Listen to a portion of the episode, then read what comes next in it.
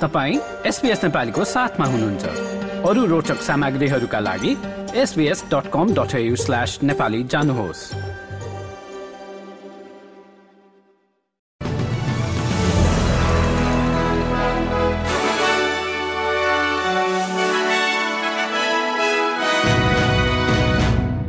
नमस्कार आज बुधबार बाइस नोभेम्बर दुई हजार तेइस। अब पालो भएको छ एसपीएस नेपालीमा आजका प्रमुख अस्ट्रेलियन समाचारहरू सुन्ने।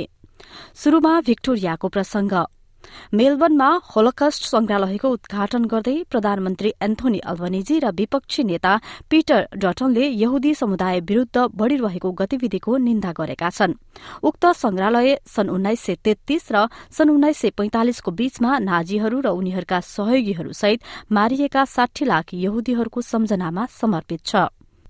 संघीय सरकारले अध्यागमन हिरासतबाट मुक्त भएका व्यक्तिहरूका सम्बन्धमा थप उपायहरू कार्यान्वयन गर्नेबारे विचार गरिरहेको बताएको छ। हालै रिहा गरिएका बन्दीहरूमा हत्यारा र यौन अपराधी सहित कयौं अपराधीहरू छन्। अब कोविडको प्रसंग। कोविड उन्नाइसको संक्रमण अस्ट्रेलियाभर बढ़िरहेको अवस्थामा सार्वजनिक विदाको समय नजिकिँदै गर्दा विज्ञहरूले नागरिकहरूलाई सतर्क रहन र खोपहरूसँग अध्यावधिक रहन चेतावनी दिएका छन्। मोनास युनिभर्सिटीको एपिडेमियोलोजिकल मोडलिङ युनिटका प्रमुख एसोसिएट प्रोफेसर जेम्स ट्राउडले समुदायमा कोविड उन्नाइस संक्रमण बढ़िरहेको बताएका छन्। इजरायल सरकारले गाजामा हमास दड़ाकुहरूसँग चार दिनको युद्ध विराम गर्ने र बदलामा बन्धक बनाइएका पचास महिला र बाल बालिकालाई मुक्त गर्ने सम्झौताको समर्थनमा मतदान गरेको छ।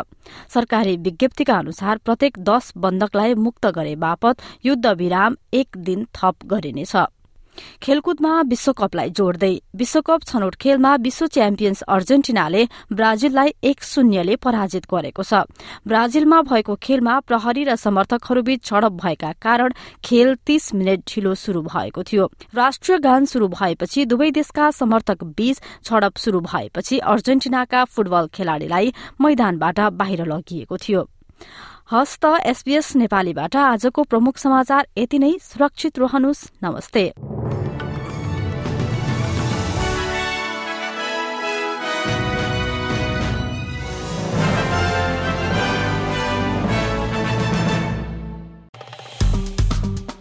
लाइक शेयर र कमेन्ट गर्नुहोस्।